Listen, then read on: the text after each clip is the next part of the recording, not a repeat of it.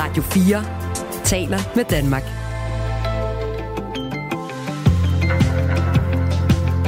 Velkommen til Radio 4 morgen.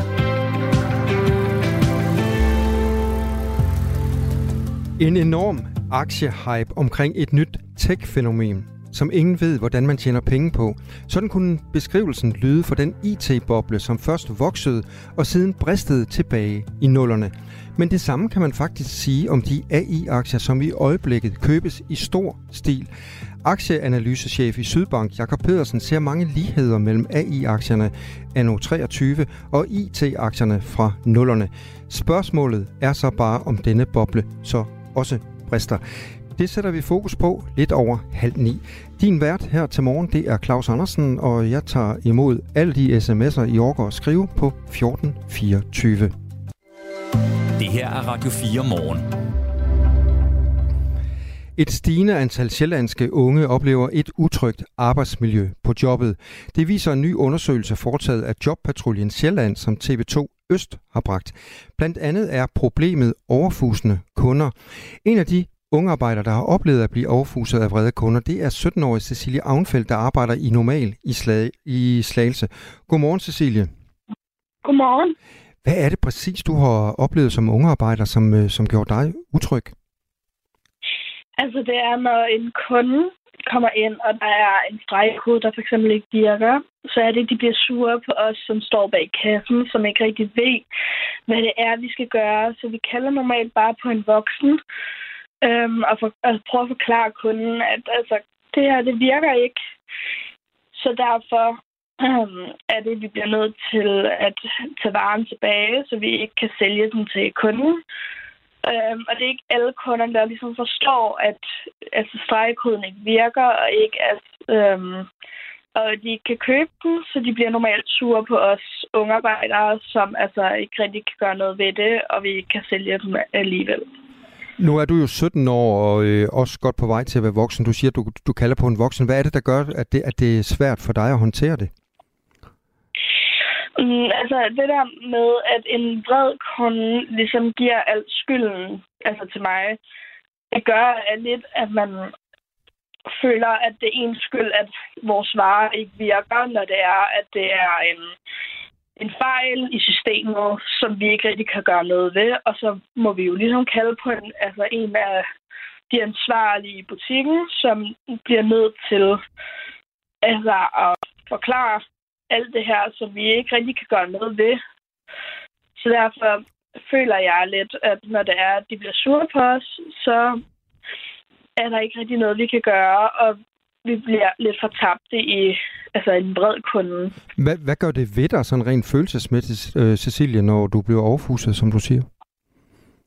Altså, jeg begynder selv at føle, at altså, det er min skyld. Øhm, jeg øh, bliver sådan lidt nedtrykt, og hele min dag bliver sådan lidt, okay, nu må jeg hellere håbe, at der ikke sker noget mere i løbet af dagen, og så når jeg kommer hjem, må jeg bare lige tage en dy indånding, og bare sige at, til mig selv, at det, det var bare sådan, det er, og så må kunden være vred over det. Det er ikke min skyld alligevel. Er det ikke dig, der, der måske også er lidt sart? Kan du ikke bare sige til, til kunderne, at de skal tale ordentligt? Altså, vi har en meget, altså, vores, øh, i vores butik, der er det sådan, vi skal, vi må ikke rigtig snakke tilbage til øh, kunderne, vi skal ligesom bare prøve at være venlige, og øh, prøve at berole kunderne, hvis det er, at øhm, de bliver vrede på os, og det kan godt være, at det er mig, der er start. men jeg føler, at der er mange, der også har det på samme måde, som jeg har det. Øhm, så derfor synes jeg, at det er noget, man burde kigge lidt mere på, og det er også derfor, jeg er glad for, at Jobpatruljen ligesom også kigger på det, øh, ifølge hvordan det er, unge arbejdere har det. Undersøgelsen er, som du selv siger, Cecilia Avnfeldt, foretaget af Jobpatruljen Sjælland, og den viser, at 17 procent af de unge fritidsjobber under 18 år føler sig utrygge på jobbet. Det er en markant stigning siden sidste år, hvor 9 procent svarede, at de følte sig utrygge. I år har Jobpatruljen Sjælland interviewet 680 unge under 18 år om deres vilkår på jobbet. Det er på baggrund af de interviews, at Jobpatruljen er blevet opmærksom på, at markant flere unge føler sig utrygge på jobbet i forhold til sidste år. I år har Jobpatruljen især haft fokus på de dårlige oplevelser med vrede kunder, som Jobpatruljen hører unge arbejdere fortælle om. Så Cecilia Avnfeldt, øh, hvor ofte sker det, at øh, du bliver overfuset af vrede kunder? Og det er meget sjældent for mig. Altså, jeg har kun oplevet det to eller tre gange øhm, i de 10 måneder, jeg har arbejdet der. Så derfor, altså, jeg føler ikke, at det er sådan et stort problem, der hvor jeg arbejder i hvert fald. Øhm, jeg synes, de kunder, vi får i butikken, er mega søde og forstående over for, hvis det er, at vi ikke kan sælge dem en vare. Men der er nogle gange en gang imellem en kunde, der bliver vred på os. Altså, så det er jo ikke... Jeg synes ikke, det er så slemt, som det altså, måske kunne have været. Så hvad har det betydet for dig, at Jobpatruljen Sjælland øh, kommer ud til din arbejdsplads, øh, så du kan tale med dem? Det, altså, det er jo meget rart, at ligesom der er nogen, der lige tjekker op på, nogen, altså på os ungarbejdere, hvis det er, øhm, du har en arbejdsplads, som er, hvad hedder det, er usikker, og du har rigtig mange vrede kunder, som giver dig alt skylden, så er det jo fedt, at der ligesom er nogle andre, der også kigger på det, og ikke, øhm, så vi ikke bare skal gå med den her byrde på vores skuldre. Tusind tak skal du have, Cecilia Avnfeldt, altså 17-årig ungarbejder i Normal i Slagelse, fordi du var med her til morgen. Jo, tak. Og så kan vi også sige godmorgen til dig, Christine Brun. Du er koordinator i Jobpatruljen Sjælland, og I står bag den her undersøgelse, som altså viser en markant stigning i utrygheden blandt uh, unge arbejderne. Nu har vi så hørt uh, Cecilia Avnfeldt her, 17-årig ungarbejder i Normal i Slagelse, fortælle om, uh, om sine dårlige uh, oplevelser. Hvad er det værste, I har hørt om, når det kommer til overfusende kunder?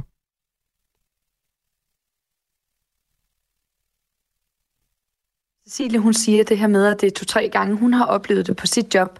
Så er jeg bare nødt til at sige, at øh, to-tre gange, det er, det er også for meget, selvom det er sket over en periode på 10 måneder. Øhm, men nogle af de ting, vi har, øh, vi har orienteret os om ude på arbejdspladserne, det er, at der er flere, der fortæller, at de har oplevet kunder, især nogle ældre mænd, opfører sig grænseoverskridende. Det her, det er især øh, kassepersonale, der har fortalt de her ting. Derudover så har vi oplevet de her sure kunder, som Cecilie også fortæller. Altså kunder, der bliver sure over små ting som øh, en rabat eller en manglende vare på hylden. Og nogle steder så, øh, så kommer hjælpen udefra, altså heller ikke i tide, når der bliver kaldt på dem. Så har vi oplevet en øh, ansat, der er blevet udsat for seksuelt pågående adfærd fra en anden ansat, hvor chefen intet har gjort. Og det her det er jo alt sammen med til at skabe det her utrygge arbejdsmiljø. Har du et overblik over, om antallet af utrygge ungearbejdere sådan er stigende andre steder i landet, end så lige på Sjælland, hvor, øh, hvor du øh, turnerer? Ikke på nuværende tidspunkt. Hvorfor er det, I har haft lige på selv, øh, præcis et fokus på, øh, på oplevelser med vrede kunder i år? Det er fordi, at øh, blandt andet HK Handel har også haft en øh, kampagne, hvor vi, øh, hvor de sætter fokus på det her med, at kunderne de skal lære at tale pænt til, øh, til butikspersonalet.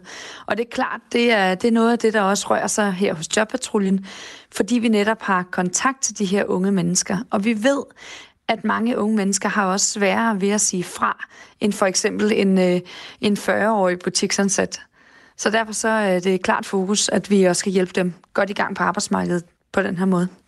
Christine Brun, øh, flere og flere unge mistrives og døjer med forskellige psykiske udfordringer, og jeg talte også med Cecilie om, øh, hvorvidt det kunne være, at det, det var hende, der var, der var sart, og det vil hun så ikke øh, afvise. Men kan det her også vidne om, at de unge har svært ved at håndtere modstand, end øh, de måske har haft tidligere?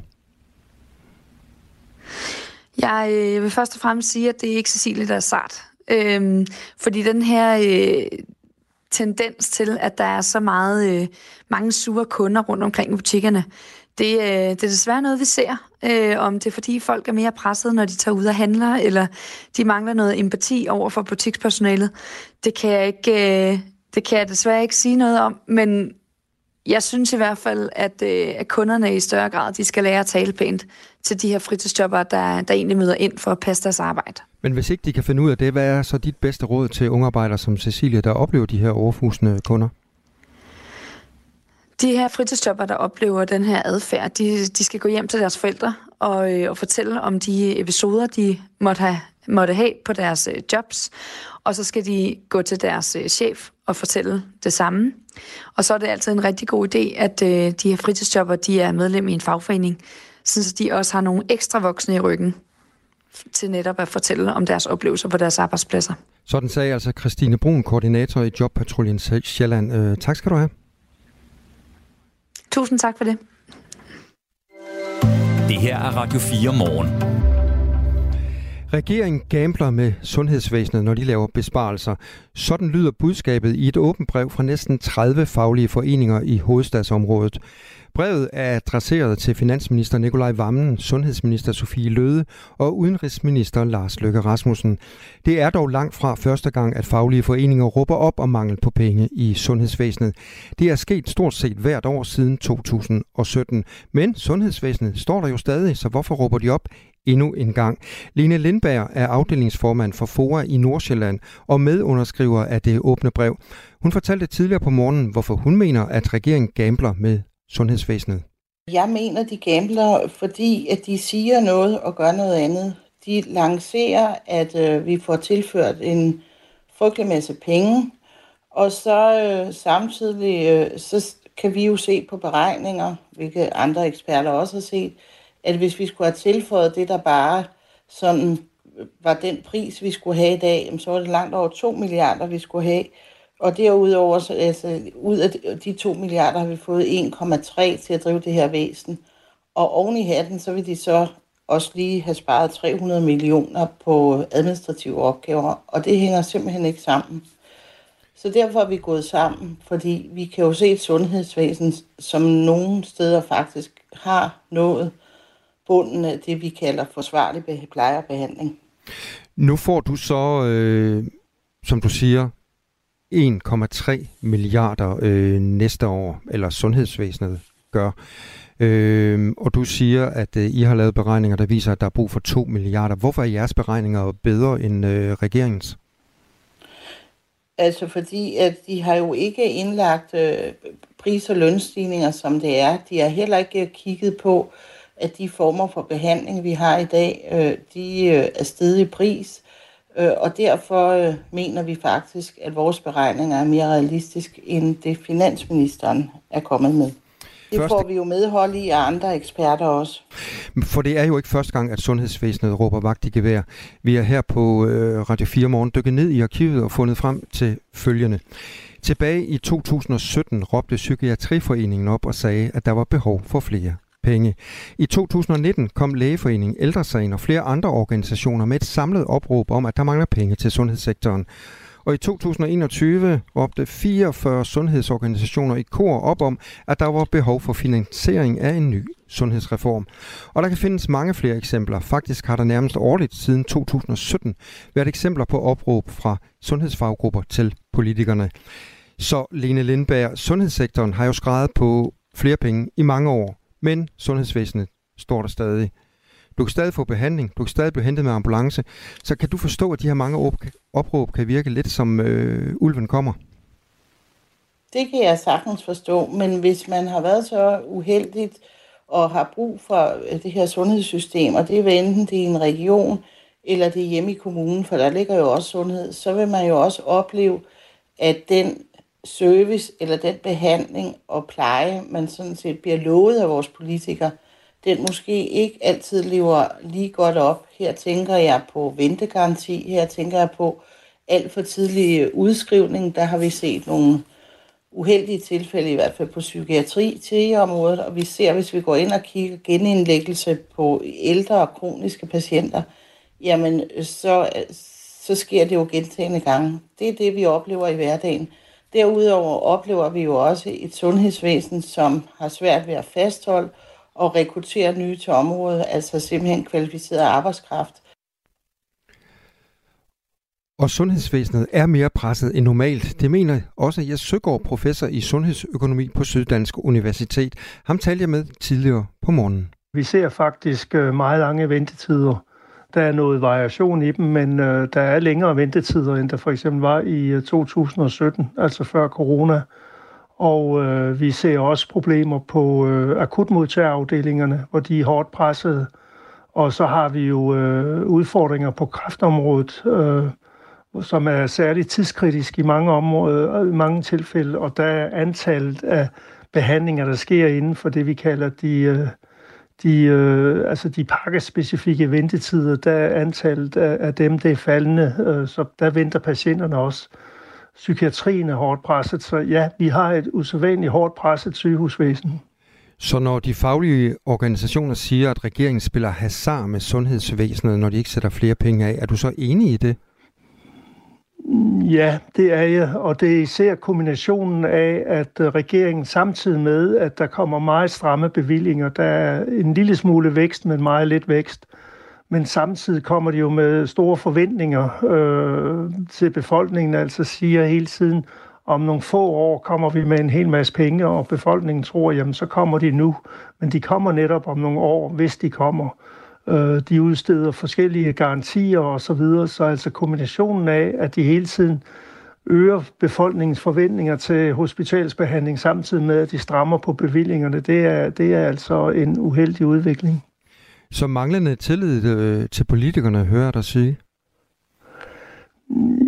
Ja, det, det, altså det, det er så din fortolkning om, det er manglende tillid, fordi øh, altså det kan jo simpelthen også være, at politikerne, og især inde på Christiansborg og i regeringen, ikke er helt klar over, hvor galt det står til. Altså det tror jeg nu egentlig nok. Altså sundhedsminister Sofie Løde har for nylig været ude og sige, at det faktisk er kommet bag på hende, hvor, hvor, hvor svært det står til, især på sygehusene. Øh, men altså, jeg, jeg forstår ikke den kombination af, at de øh, er med til at og øge forventningerne samtidig med, at de strammer på bevillingerne. Den, den kombination er altså meget uheldig. De næsten 30 faglige foreninger er utilfredse med den, med den økonomiaftale, som regeringen og danske regioner har lavet for næste år. Her bliver sundhedsvæsenet løftet med 1,35 milliarder kroner i 24. Til gengæld skal regionerne finde besparelser på 300 millioner kroner på såkaldte administrative udgifter. Desuden bliver der afsat lidt over 7 milliarder over de næste to år til renovering af bygninger i sundhedsvæsenet. Og sundhedsvæsenet kan ikke blive ved med at levere de samme standarder med de her penge, det siger Jes Søgaard, professor i sundhedsøkonomi på Syddansk Universitet. Altså hvis vi tager det med anlægssiden først, altså renovering, så, øh, så ved vi, at med den tilstand, mange sygehusbygninger er i, der er 7 milliarder, det lyder af meget, men det er faktisk ikke ret meget. Altså det er jo fordelt ud over rigtig mange forskellige sygehuse.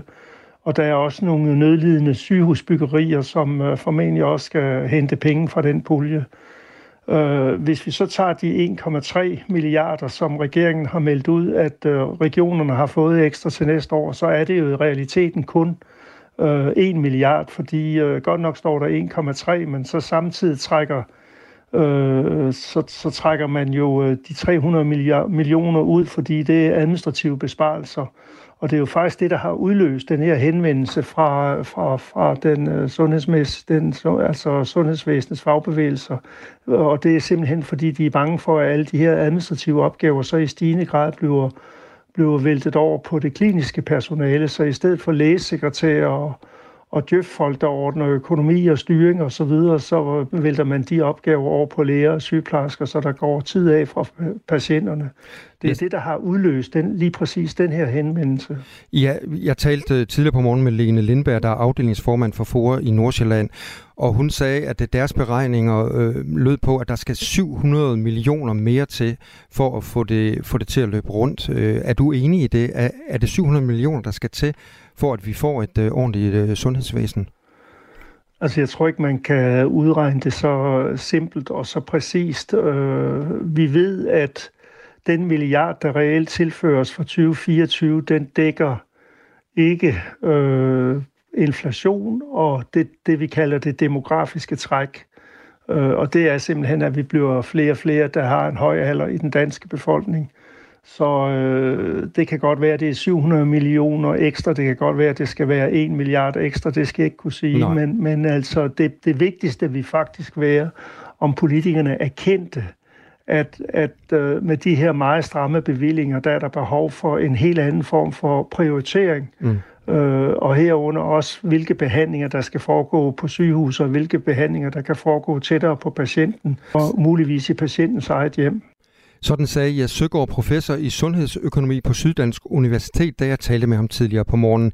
Vi har skrevet til sundhedsordførerne for de tre regeringspartier. Hos Venstre er det Christoffer Ågaard Melsen. Han svarer, at han ikke har tid til at stille op til interview her til morgen. Og vi har hverken fået svar fra Flemming Møller Mortensen, som er sundhedsordfører for Socialdemokratiet, eller Monika Rubin, der er sundhedsordfører for Moderaterne.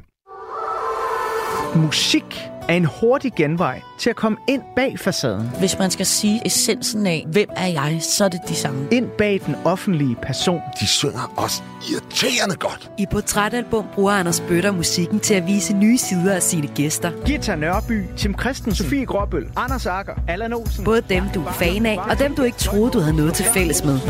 Velkommen til Portrætalbum på Radio 4. Lyt til Portrætalbum i dag kl. 17.05. Nu skal vi tale om en øh, ret vild bedrift, og til at tale med mig om den bedrift, så har jeg fået en gæst i studiet. Det er dig, Anders Grønborg. Godmorgen. Godmorgen, godmorgen. Skør mand. Jamen, øh, lige over. du løber hver dag 5 km, det har du gjort 1000 dage i streg. Ja, det var det er korrekt, 1000 ja. dage i streg. 1000 dage i streg, uden nogen undtagelse, ja. Hvorfor? Jamen, øh, jamen, hvorfor ikke? Jeg synes, det er sådan en god... Øh, god sund vane, jeg har, jeg har fået mig der. Øhm, og det er jo så i dag, der er nummer 1000. Og den skal du så ud og løbe af senere i eftermiddag, har ladet mig fortælle. Ja, lige præcis, ja. Det er øhm, ja, øh, kl. 17 i dag. Det er jo altid noget, jeg gør om morgenen, øh, den her løbetur, men det, i dag så er det faktisk, øh, vi så har inviteret nogle af, nogle af gutterne med, så vi bliver sådan 30 stykker, der løber turen kl. 17 i dag. Så altid samme rute, altid det ruten herude i Marcellesborgskoven. Hvordan begyndte det her? Altså, hvor, hvordan, hvorfor fik du den idé, at du skulle løbe 5 km hver eneste dag uden afbrydelse? Jamen, det, det er et godt spørgsmål. Det, det, var, det var slet ikke planen, og... Øhm, og der, der er også nogen, der fortæller om det her, det streak running, som det hedder. Det er jo sådan et, et begreb. Øhm, så, så er der sådan en vildfart. Som Hvad betyder det, streak? Altså, man gør det ud i træk? Ja, streak running, ja, ja, ja, ja, lige ja. præcis. Der er lige mm. sådan en streak running community og internationale regler og sådan noget. Man skal rent faktisk løbe en mil om dagen øh, for at, at leve op til de her streak running regler. Men, men da jeg startede, var det slet ikke øh, min plan at være streak runner. Øh, som udgangspunkt brød jeg mig faktisk ikke særlig meget om at løbe. Så øh, det er sådan lidt en vildfarelse, jeg tror, det er sådan en super sportsmand eller noget som helst. Det er, men det startede egentlig bare, jeg kan huske, jeg prøvede for noget, der ligner 10 år siden, om, om løb egentlig ikke var noget for mig. Det var da egentlig sjovt lige at prøve det, og hvis det var, så skulle man da ikke gå glip af det. Det var en god og effektiv måde at, at dyrke noget sport på. Men, hvorfor, da, hvorfor, men, men det skulle jeg ikke. Det var slet ikke mig. Det var Nej. slet ikke mig. Og så jeg holdt en lang pause og startede så igen. Øh, og det, der fik mig i gang, det var, at det var simpelthen en app, altså sådan en, øh, noget, der hedder Runkeeper, hvor man er nogle gutter, der laver en challenge til hinanden. Og det kunne åbenbart få mig i løbeskoene, det her med, at man skal udfordre hinanden. Så, øh, så ja, så det reglerne var kort fortalt, at, at man simpelthen forpligter sig til, for jeg tror, det var fem kammerater, som man forpligter sig til at løbe tre gange om ugen. Afstanden var lige meget, og, og hastigheden var lige meget, men man skulle egentlig bare love hinanden, at inden det blev søndag næste gang, havde man løbet tre gange. Og det fungerede, for så får man jo en notifikation, når Michael har løbet, og når Kasper har løbet, og man ikke selv har løbet, og det, det duer altså ikke. Altså, men Anders Grønborg, altså i løbet af de tusind dage, der må du jo have været syg, eller oplevet øh, andre komplikationer, der har været svært at komme afsted hver dag. Altså, men ja, det er klart. Altså, har ja, da, da, jeg startede med de her tre dage om ugen, og så, og så går over til at prøve at se, at man kunne løbe hver dag, og så gå i gang med den her streak, så lå man jo også ind i nogle problemer, fordi i, i sagens natur er det ligesom hver dag. Og, øh, og, og hver dag betyder jo, altså hver dag, ellers mister du streaken, så der har været, jeg har været, ja, corona ramt et par gange, og jeg har fået noget, noget operation i, været i fuld narkose. Og, så der er sådan nogle trælse situationer. Der er også tit sådan noget logistisk med det, fordi du skal jo presse det ind på det her døgn, og hvis, hvis du har rejseaktiviteter. Øhm, jeg løber altid om morgenen, inden, jeg, inden dagen starter, og så for eksempel hvis du skal ud og rejse tidligt, har jeg været nogle gange. Hvis du har et fly for Billund kl. 6 om morgenen, så skulle du hele tiden sige, så skulle du altså tidligt op, hvis du skal nå din check-in-tid og løbe inden. Så der er sådan nogle lidt dumme ting. Så her klokken 17, øh, Anders Grønborg, er det så øh, løb nummer 1000. Hvornår stopper du? Hvad er dit mål? Skal, øh, skal jeg have dig studiet igen, når du løber 2000? Det ved jeg ikke. Du, det, nu må vi se. Du skal ikke løbe for meget. Det er, altså, jeg tror i hvert fald, en, en skade vil kunne stoppe mig. Altså en forstudet fod eller sådan noget, så er, der, så er der jo game over. Men du bliver ved? Jeg fortsætter. Ja. Hvordan skal det så fejres i aften, øh, at du har løbet øh, Jamen, jeg har, jeg har, gange træk? Jeg har lovet, når vi kommer i mål, så, så er der en kold øl på terrassen, og så skal vi have nogle burritos. Men hvorfor bliver det egentlig øh, løb sådan ganske kort? Man kan også bare spise en hotdog hver dag. Altså. Hvad tænker du? Altså, hvor, hvorfor... Ja, hvorfor faldt du lige over løbet? Jeg synes, det er en, det er en god sådan aktivitet. Det giver sådan et godt overskud på dagen, og, og øh, ja, altså, en, en god pointe, det er i hvert fald også det, at alle kan gøre det. Altså, jeg, altså ikke, altså, det er bare med at komme i gang, og så, så prøve det af. Og som sagt, reglerne tilskriver sig bare, det er en mil, altså 1,6 km, så, så hvad er det heller ikke? Men du løber så fem? Jeg tager så fem ruten hver dag, ja. Anders Grønborg, det var hyggeligt, du kunne komme i studiet og fortælle om, det, ja. om, om din, øh, din vilde streak jo, tak, fascination. Tak. Ja. Tusind tak skal du have. Altså Anders Grønborg, som løber 5 km hver eneste dag og har gjort det 1000 dage i træk. Klokken den er blevet halv ni. Nu er der nyheder på Radio 4. Regeringen gambler med sundhedsvæsenet, når de laver besparelser. Sådan lyder budskabet i et brev fra næsten 30 faglige foreninger i hovedstadsområdet. Brevet er adresseret til finansminister Nikolaj Vammen, sundhedsminister Sofie Løde og udenrigsminister Lars Løkke Rasmussen. En af medunderskriverne er Lene Lindberg, der er afdelingsformand for FOA i Nordsjælland. Jeg mener, de gambler, fordi at de siger noget og gør noget andet de lancerer, at øh, vi får tilført en frygtelig masse penge, og oven i hatten, så vil de så også lige have sparet 300 millioner på administrative opgaver, og det hænger simpelthen ikke sammen. Foreningerne er utilfredse med, som Lene Lindberg påpeger den økonomiaftale, som regeringen og danske regioner har lavet for næste år.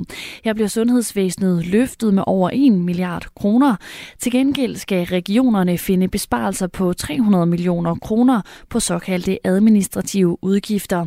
Ifølge Jes Søgaard, der er professor i sundhedsøkonomi på Syddansk Universitet, så er det en dårlig kombination. Så altså kombinationen af, at de hele tiden øger befolkningens forventninger til hospitalsbehandling samtidig med, at de strammer på bevillingerne, det er, det er altså en uheldig udvikling.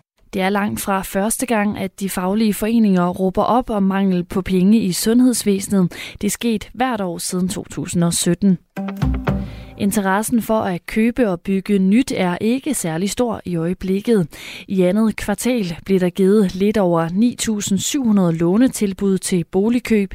Det er det laveste niveau for andet kvartal siden 2017, hvor statistikken begyndte at blive ført.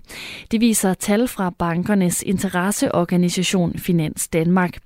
Den lave interesse skyldes særligt det høje renteniveau, forklarer Sebastian Kaldal, som er boligøkonom i Dansk Industri. Det holder potentielle boligkøbere væk, da de ikke har de økonomiske muskler til at købe, skriver han i en kommentar. Et forsøg med traumaterapi til børn og unge, som har været udsat for seksuelle overgreb, har haft stor succes. Behandlingsmetoden fra Børnehus Syd i Region Syddanmark kan derfor nu udbredes til hele landet. Det siger Rasmus Brun, der er leder af børn og unge og familier i Social- og Boligstyrelsen. Det er blevet en succes, fordi at, at øh, metoden, som vi bruger, øh, har vist sig at at have en rigtig, rigtig god effekt på de her børn. Vi ser blandt andet en, en signifikant reduktion i deres PTSD-symptomer og en markant reduktion i deres depressionssymptomer, og så ser vi en øh, markant bedre trivsel hos børnene. Andelen af børn og unge med PTSD faldt fra 85 til 54 procent efter et målrettet behandlingsforløb ved Børnehus Syd, og andelen af børn, der havde en klinisk depression, faldt tilsvarende fra 81 til 31 procent. Wagner eksisterer ikke, siger den russiske præsident Vladimir Putin i et interview med en russisk avis. Der er ingen lov for private militære organisationer. Det eksisterer bare ikke, siger Putin. Han fortæller videre, at det er op til den russiske regering og parlamentet at diskutere den juridiske ramme for den private her Wagner-gruppen. Ifølge Putin har nu også tilbudt soldaterne fra Wagner-gruppen at blive en del af den russiske hær. Det skete fem dage efter det fejlslagende myteri mod den russiske militærledelse. Fredagsværet byder på nogen sol, men også enkelte byer i løbet af dagen. Temperaturer mellem 18 og 23 grader. Du lytter til Radio 4 morgen. Husk, du kan skrive en sms til os på 1424. Lige her før nyhederne, der havde jeg Anders Grønborg i studiet. Han løber 5 km hver eneste dag, og her klokken 17 i dag, siger jeg, så har han gjort det 1000 dage i træk. Der er andre derude, som gør det samme. I har skrevet ind på 1424. Øh, Nils for eksempel, han siger, jeg kører 20 km på mountainbike hver eneste dag året rundt på nær, når det er glat eller stormer og har lige rundet 10 år, så det er blevet til rigtig mange kilometer. Så det er bare at komme i gang, siger Niels. Og så skriver Daniel, hej, jeg løber hver dag, og det giver bare noget til kroppen og sindet. Jeg løber 8-12 km om dagen, afhængig af vejr og hvordan kroppen har det. Det her er Radio 4 morgen. Kunstig intelligens er i år for alvor blevet den helt store ting. Det gælder også på aktiemarkedet. Og de virksomheder, de softwareudviklere og de, som bruger teknologien til kunstig intelligens, ja fælles for alle er, at de har oplevet en massiv vækst i år. Og derfor er sammenligningen mellem IT-boblen i starten af nullerne og AI-aktier anno 23 ikke nogen dårlig sammenligning. IT-boblen i 2000 var et internationalt fænomen, hvor prisen på IT-aktier steg voldsomt på grund af meget høje forventninger til IT-virksomhedernes indtjening. Dermed blev markedet overophedet og bristet. Jakob Pedersen, du er analysechef i Sydbank. Godmorgen. Godmorgen. Hvor meget skal vi frygte, at det samme kan ske øh, med de her AI-aktier, som vi så det med IT-aktierne i 2000? Man kan i hvert fald ikke afvise, at noget lignende kan komme til at ske, men jeg tror, at, at, der, er en, at der er en del dårlige ting, der skal ske, før vi ligesom kommer til at stå der.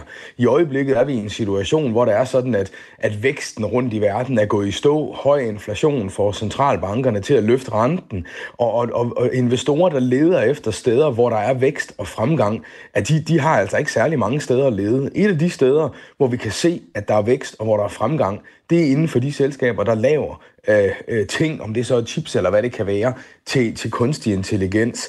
Og øh, derfor er det noget, der er meget værdsat af investorerne, men samtidig, ligesom det var under IT-boblen, så er det noget, hvor det kan være meget, meget svært at få armene hele vejen rundt om. Jamen, hvor stort er potentialet egentlig her? Så det kan sagtens vise sig, at det, der i dag ligner en boble, ja, hvis det er sådan, at, at AI bare udvikler sig rigtig, rigtig stærkt, og det bliver, det bliver ligesom bliver måden, som virksomheder rundt om i hele verden øh, kan, kan forbedre deres produktivitet og kan komme til at tjene flere penge, jamen, så, så kan potentialet jo vise sig at være større, end det investorerne egentlig regner med nu. Øh, og, og så viser det sig måske, at det her det slet ikke er en boble, men at der stadigvæk er masser af stigningspotentiale i den her type aktier. Og det er jo det, der er det svære på aktiemarkedet, særligt når der kommer nogle nye teknologier, øh, som, som, som lige pludselig tager nogle tiger spring frem, og hvor det kan være svært at vurdere, jamen hvor meget kommer den her virksomhed til at tjene om to, tre, fem år på det her. Så lad os lige kigge på de her AI-aktier, eller AI-aktier, som øh, min producer her i dag gerne, øh, gerne vil have, at, øh, at jeg omtaler dem som. Hvad er det for en hype, der er omkring de her aktier lige nu?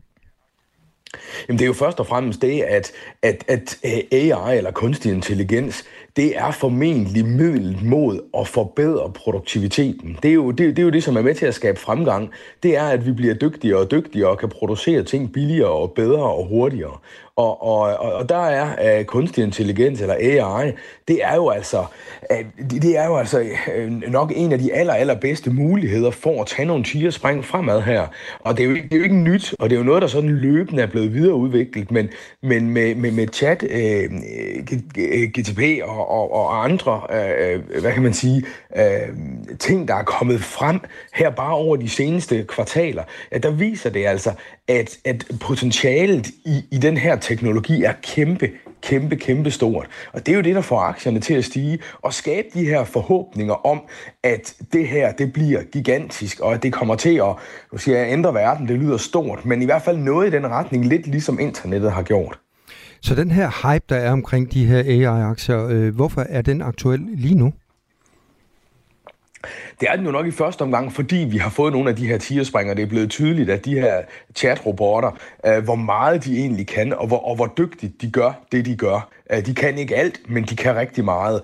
Øh, og, og den her teknologi kan bruges rigtig mange forskellige steder i, øh, i, i virksomheder rundt om i hele verden. Og dermed så er der åbent for et meget, meget stort potentiale, salgspotentiale for de selskaber, der, der, der, der producerer dele eller laver ting ind i, i kunstig intelligens eller AI-industrien. Og, og, og når der så samtidig ikke rigtig er noget vækst andre steder, så bliver det bare, så bliver det sådan ligesom en helle på markedet, hvor det er sådan, at investorerne de siger, her kan vi i hvert fald finde, øh, øh, finde noget vækst, når vi kigger fremad.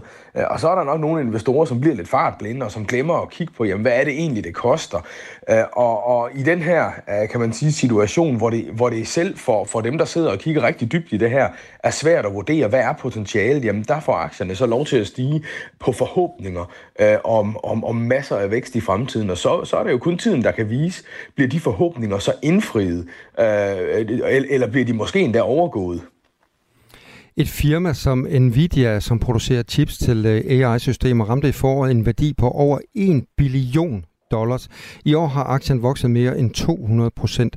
Samme grænse har tech-virksomheder som Microsoft og Alphabet, firmaet bag Google, øh, også ramt.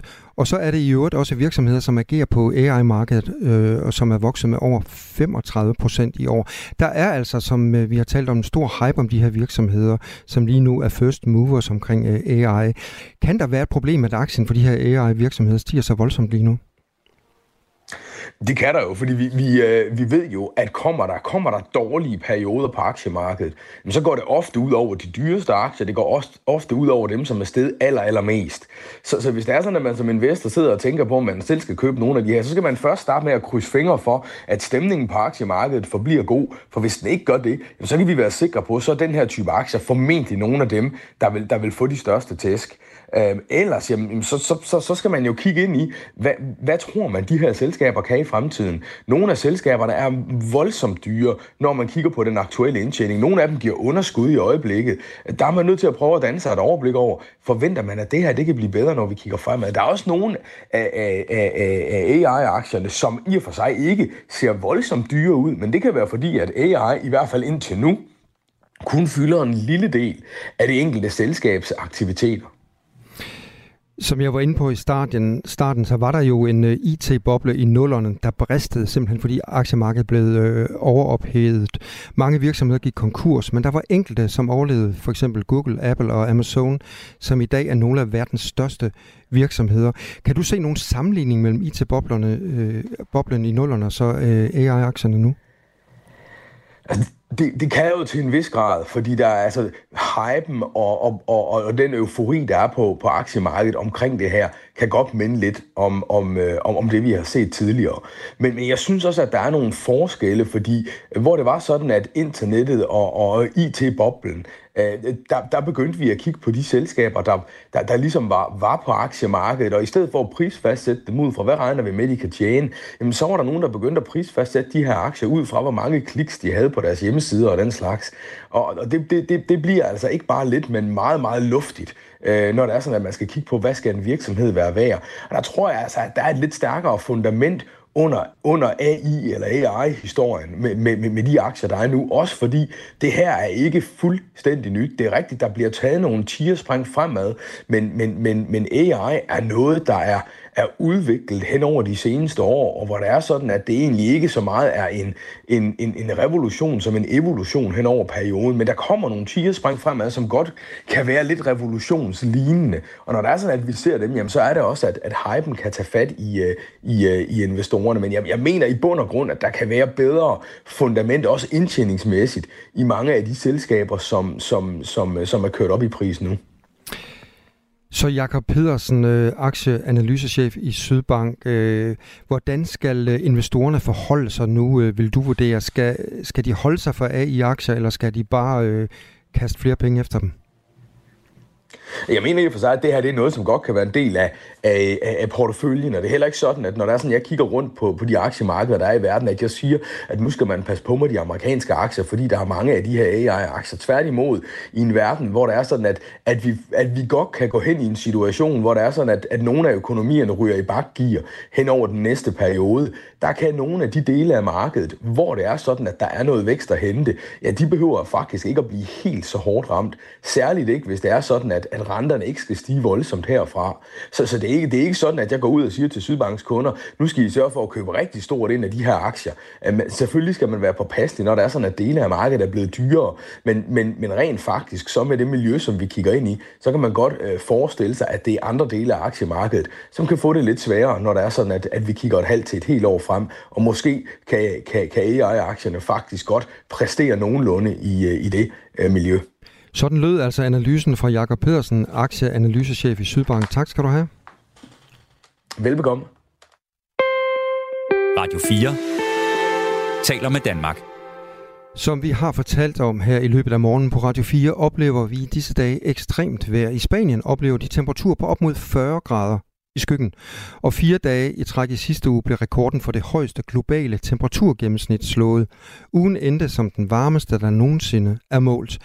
En af de mest klimabelastede måder at rejse på er fly.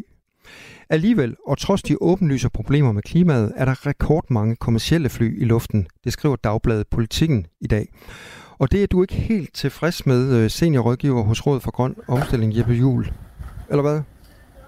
Nej, nej, det kan man ikke sige. Øh, det er jo paradoxalt, at øh, vi både ser det her øh, klimakrise, der bliver mere og mere tydelig for os alle sammen, samtidig med, at vi så i stigende grad vælger en transportform, som er en af de hurtigste måder, som individer brænder planeten af på, så at sige, fordi at der er så stor en klimabelastning med at flyve. Så der er jo et eller andet indbygget paradoks i forhold til det her. Øh, ja, der, der er meget larm omkring dig. Øh, lige nu er det, er det muligt for dig lige at gå et andet ja, ja, ja, undskyld, ja, jeg blev lige lidt distraheret. Jeg er tilbage igen, og larmen er væk. okay. Så hvad er problemet, Jeppe Jul, med, at øh, vi flyver rekord meget lige nu? Det der problemet, det er jo grundlæggende, at vi ikke har lavet en grøn omstilling af luftfarten. Det vil sige, at vi flyver stadig på fossile brændstoffer. Vi har stadigvæk de her indirekte klimaeffekter, som meget følger af de her kondensstriber, som man ser efter flyene. Og det vil sige, at vi er nået meget, meget lidt øh, hen ad den vej, der hedder, øh, at vi også skal kunne flyve grønt i fremtiden. Der er små initiativer, og Danmark er jo faktisk et af de steder i verden, hvor, hvor vi er ved at være mest i gang efterhånden.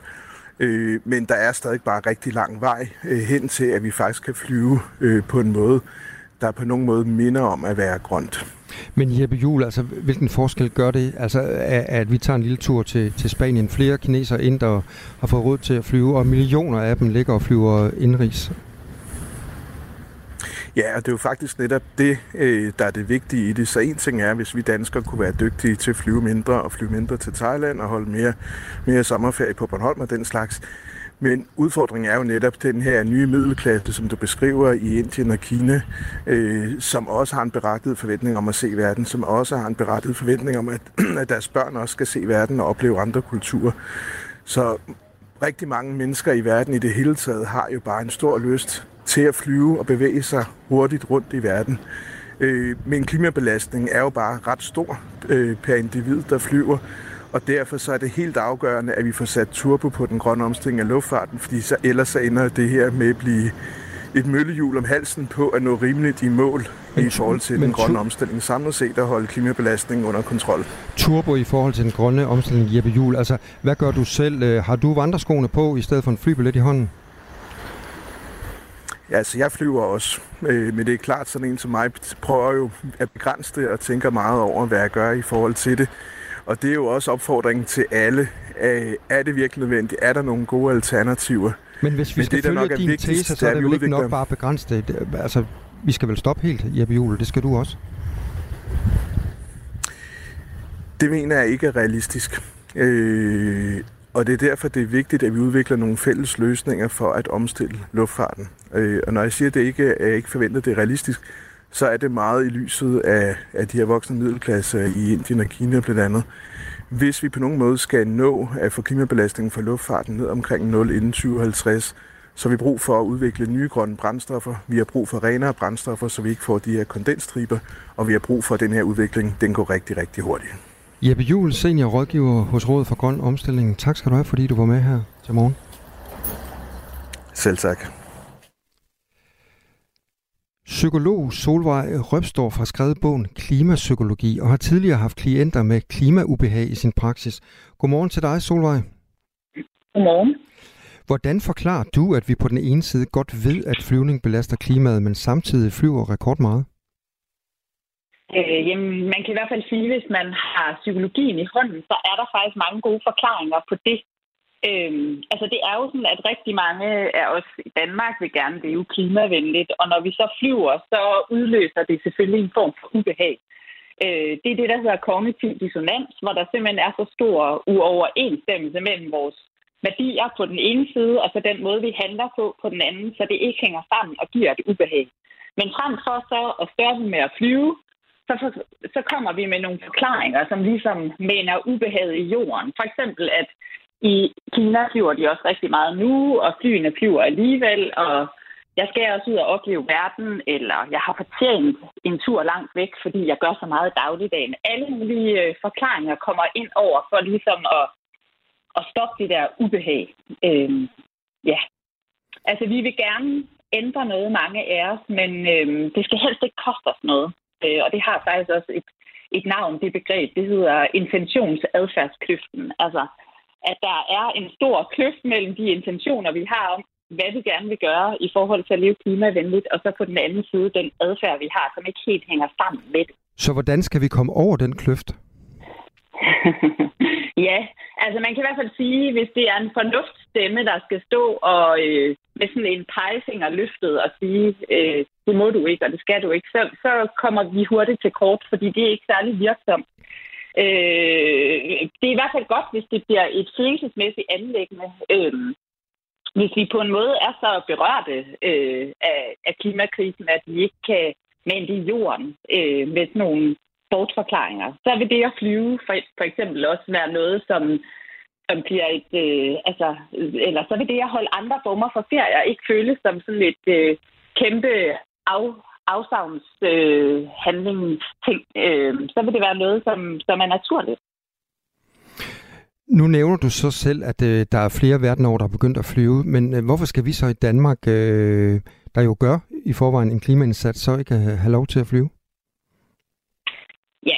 Altså vi er jo, øh, altså jeg ved godt, at vi har en, en, en selvforståelse og en selvfortælling om, at vi er meget grønne, men vi er faktisk et af de lande i verden, som per borger udleder allermest CO2. Øh, så der er masser, vi kan gøre. Øh, vi har en rigtig, rigtig CO2-udledende livsstil. Og vi har på en måde også øh, overskuddet og privilegierne til det. Øh, og det er jo faktisk vores... Øh, den, den adfærd, vi har, har jo også øh, kæmpe konsekvenser for folk, der bor øh, i det globale syd øh, og de steder på jorden, hvor klimaforandringerne allerede mærkes meget tydeligt. Men hvor realistisk er det, at øh, vi øh, kan få en god ferie uden at flyve? Altså, hvad skal vi gøre i stedet? Altså, de gode strande, de ligger jo øh, sydpå nede ved Middelhavet. Eller på Falster. altså, nu er, jeg, nu er jeg selvfølgelig ikke øh, altså, ambassadør for Visit Danmark, men altså, øh, det er nogle år siden, jeg selv har fløjet, og jeg synes, jeg har haft mange fantastiske ferier. Øh, jeg tror, at øh, altså, øh, under covid fandt vi jo også ud af, at Samsø kunne være fuldstændig eventyrlig, øh, og Bornholm og alle mulige andre steder. Altså, det handler jo også om at, at ændre, øh, hvad det gode liv er, og hvordan vi, øh, hvad vi synes, vi har ret til at altså, øh, gå ud i verden med nogle lidt andre øjne måske, og opleve noget andet, og finde ud af, at det var faktisk virkelig fedt. Nu ved jeg, at du tidligere har haft klienter i din praksis, øh, som har haft øh, det, du kalder klimaubehag. Hvordan har du det selv, når du hører, at øh, vi altså flyver rekord meget? Jamen, det har jeg det sådan ret stramt med. altså, øh, altså det, det, det synes jeg faktisk er sådan et, øh, et gok i nøden, eller sådan, øh, jeg, jeg bliver sådan lidt træt øh, og lidt øh, nederen over det, samtidig med, at jeg godt forstår det, og godt ved, øh, hvor det kommer fra. Og selvfølgelig er der en masse mennesker i verden, der også øh, synes, det er fedt, at de har fået råd til at flyve og sådan noget. Men, men jeg synes, det går meget langsomt med ændring, både i de sociale normer og på det strukturelle niveau, øh, det som jeres forrige gæst også lige var inde på. Øhm, og derudover, så kan man sige, hvis man skal vælge nogle alternative ferier øh, og rejse med tog, øh, som jeg har testet og afprøvet en del, så øh, er der også rigtig meget, man kan gøre der for ligesom at gøre det øh, både mere attraktivt og mere enkelt øh, og skrue op på kapaciteten der. Nu sagde du før, at du ikke har fløjet i øh, lang tid. Hvor skal du egentlig hen på sommerferie, hvis ikke du har været afsted? Øh, jamen, jeg skal på Interrail i Europa, øh, så jeg skal til Paris, og jeg skal til Italien, Piemonte, øh, Ligurien, øh, med tog til min øh, børns fortrydelse, fordi det er nogle, altså, det er ikke, øh, det er nogle meget lange ture, men øh, ja, jeg. Solvej, mens vi har talt, så er der kommet nogle sms'er ind på øh, 1424. Der er en mark, øh, der skriver, hvis alle tog bilen i stedet for at flyve øh, samme distance, var det langt mere klimabelastende. Og øh, det ligger jo meget godt i tråd med det, du siger. Øhm, ja, altså det gør det muligvis. Jeg tror faktisk, det er mindre belastende at tage bilen, men det er jo heller ikke i hvert fald fedt, hvis alle tager bilen. Nej.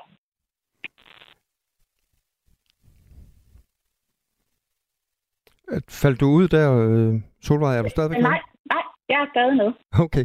Ja, jeg tror også, at det var mig, der egentlig misforstod den her sms, fordi det Mark han skriver, det er jo rent faktisk, at øh, det er langt mere øh, klimabelastende, hvis vi tager bilen øh, i stedet for at flyve samme distance. Ja. Men Solvej, Men ja, vi er nået til vejs ende i det her interview, og tusind tak skal du have, fordi du var, du var med her. Altså, psykolog Solvej Røbstorff, der har skrevet bogen Klimapsykologi. Selv tak. Det her er Radio 4 morgen.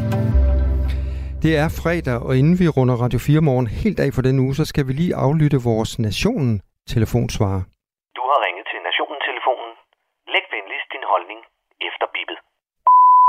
Ja, det er Palle fra Kalmborg. Ja, du ligger måske stadig ved poolen ved strandkanten, eller sipper en tynd Aperol Spritz i skyggen i udlandet. For det kan fandme ikke være her i Danmark. Lavtrykket swingerklub, hvor solbriller og badebukser, de er mere sjældne end en udbetaling for en Kai Boysnab fra auktionshuset Laurits.com.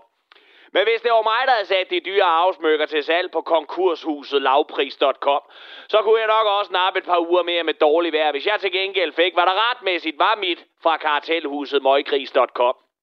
Ejerne, Bengt og Mette Sundstrøm, som nu har røvpulet deres kunder for over 50 millioner kroner, ja, det er ikke lige sådan nogen, der gider at tale med pressen. Faktisk, så er de væk. Men de nyder måske noget bedre værd for alle deres egne millioner af kroner, som de har trukket ud af deres holdingselskab, der har haft det bedste regnskab i overvis. Men den slags overskud, det er måske også nemt at få, når man ikke betaler andre mennesker det, man skylder dem. Nå, men hvis du får din Grimkaj Boys Boysnab tilbage fra recessionshuset tavle.com, så vil jeg da gerne købe den til en stærk nedsat pris, så jeg kan kylde den efter nogle hyggelere, der piver over USA sender klyngebomber til Ukraine. Ja, Palle, der sætter vi grænsen. Klyngebomber er noget værd skidt. Der er mange af dem, der ikke går af. Og så kommer de små børn og træder på dem bagefter. Det er uetisk. Uetisk. I forhold til øh, alle de andre våben og bomber, som sprænger nogen søn i stumper og stykker på slagmarken, er dem, du mener. For i det mindste så rykker USA da i de her uger og måneder. Joe Voxen blev Biden, som ellers kun kan lægge sine tænder i vandet og sviskegrød, bruger de sidste år af sit liv på at tvinge det pisland til Rusland i knæ. Og ja, det er hele landet, jeg skærer over en kamp. Siden de var nogle små røvhuller, der meget hele SAR-familien ned, fordi de var nogle røvhuller, har det land kun kunne bidrage med klassisk musik, ballet og vodka. Og alle tre ting er pænt røvsyge, når man foretrækker Ramstein at sidde stille og en kop kaffe. USA har lige givet Ukraine hjælpepakke nummer 49, som ud over et latterligt højt millionbeløb, våben og træning så også indeholder lidt klyngebomber. Lev med det! Lev med det! Hvis det er det, der skal til for, at USA redder europæernes røv igen, så klarer jeg det sgu fint. Ah, I love the smell of Europe in the morning. Och men jag tycker att det är helt oetiskt att använda vapen som vi andra har förbjudit. Hur ska vi nu kunna sova om natten? Hov, var det lige svenskerne, der skulle have en mening om noget der? Jeg, jeg, jeg tænker, at I lige lukker snuskuffen og åbner jeres klamme surstrømning nede ved den myggeinficerede skovsø, og ellers bare siger pænt tak for medlemskabet i NATO. Er det ikke bare det, vi aftaler? Fordi så behøver I nemlig slet ikke at være bange for at være landfaste med rødbedeknaskerne. Og jer tyrker, i godt pakke det der smørrede smil væk.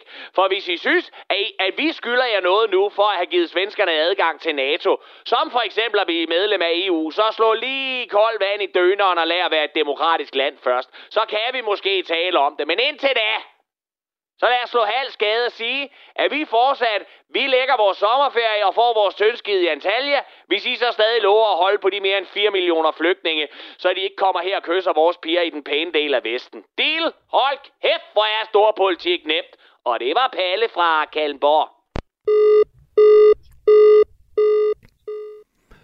Og du kan høre mere fra Palle fra Kalumborg i specialklassen her på Radio 4 hver lørdag, kl. 20. Og du kan også finde det i Radio 4's app. Radio 4 taler med Danmark. Og lige om lidt, så er der ring til Radio 4. Der bliver spurgt, kan det virkelig passe, at forældre skal have hjælp udefra i forhold til, hvad de propper i deres børn, altså så som øh, slik og søde sager. Det er altså spørgsmålet til dig i begyndelsen af dagens udgave af Ring til Radio 4, og verden i dag, det er Sylvester Guldberg Røn. Så klokken nærmer sig så småt klokken 9, og det er tid til at takke af her fra morgenstudiet. Din vært var Claus Andersen. Du har lyttet til en podcast fra Radio 4. Find flere episoder i vores app, eller der, hvor du lytter til podcast. Radio 4 taler med Danmark.